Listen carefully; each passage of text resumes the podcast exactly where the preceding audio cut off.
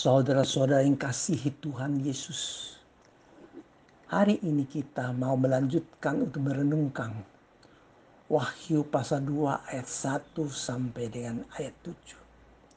Khususnya ayat 4 tentang jemaat Efesus telah meninggalkan kasih yang semula itu. Di Alkitab bahasa Indonesia sehari-hari mengatakan, kalian tidak lagi mengasihi aku seperti semula. Saudaraku yang kasih, Prikup Wahyu 2 ayat 1 sampai 7. Ada pertanyaan besar. Mengapa jemaat Efesus bisa tidak lagi mengasihi Tuhan seperti semula? Ini sungguh sulit dipahami.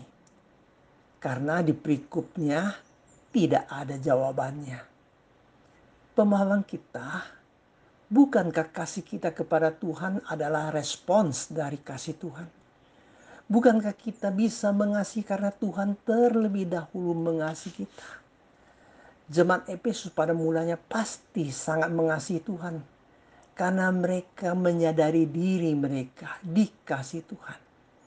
Tetapi kemudian hari, hati mereka dipenuhi oleh egois dan egosentris mereka hanya cinta pada diri mereka sendiri belaka.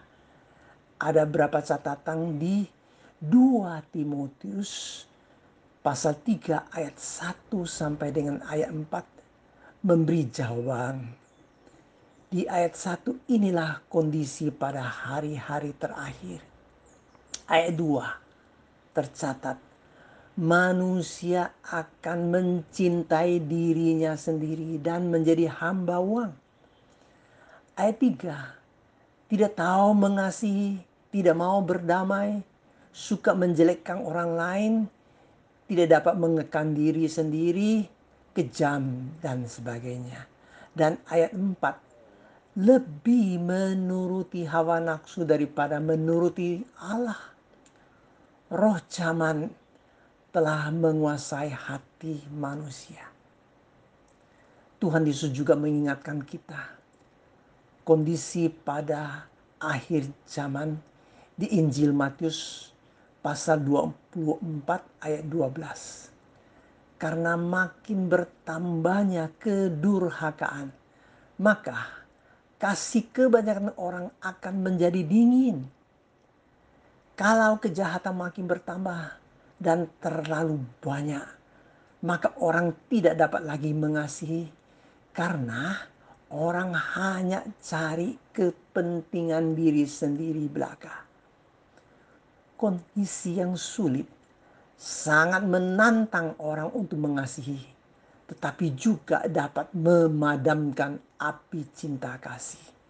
Sekalipun dikatakan kasih tidak berkesudahan ini terdapat di 1 Korintus pasal 13 ayat 8. Dan di Kidung Agung mengatakan,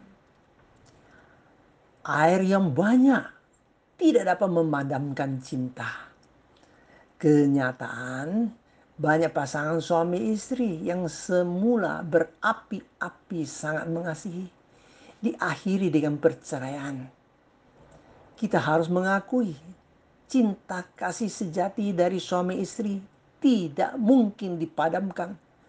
Tetapi juga tidak bisa dipungkiri jika cinta kasih tidak dipelihara dengan baik atau tidak diberi bahan bakar yang cukup pasti akan dipadamkan oleh pasangan itu sendiri. Fakta yang menyedihkan akhirnya api tinggal jadi asap dan abu. Api cinta menjadi asap cinta dan menjadi abu cinta. Mari kita merenungkan peristiwa Petrus menyangkal Tuhan. Boleh dianggap sebagai yang telah meninggalkan kasih yang semulanya. Sehingga kemudian hari harus dipulihkan setelah Tuhan Yesus bangkit dari kematian. Apakah ketika Petrus menyangkal Tuhan, ia baru meninggalkan kasih yang semula? Ataukah sebelumnya ketika ia menyombongkan diri bahwa ia tidak akan menyangkal Tuhan sekalipun semua orang menyangkal Tuhan? Sangat jelas saudara-saudara ketika seseorang menyombongkan diri, ia sudah kehilangan kasih yang semula itu menyangkal Tuhan hanya akibat dari kehilangan kasih setianya. Jangan lupa, kemenangan iman kita tidak boleh terlepas dari kasih setia kita kepada Tuhan. Kemenangan iman adalah iklar.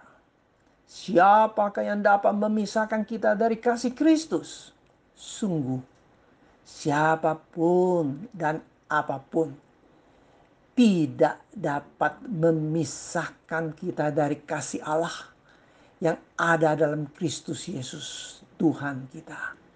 Roma pasal 8 ayat 39.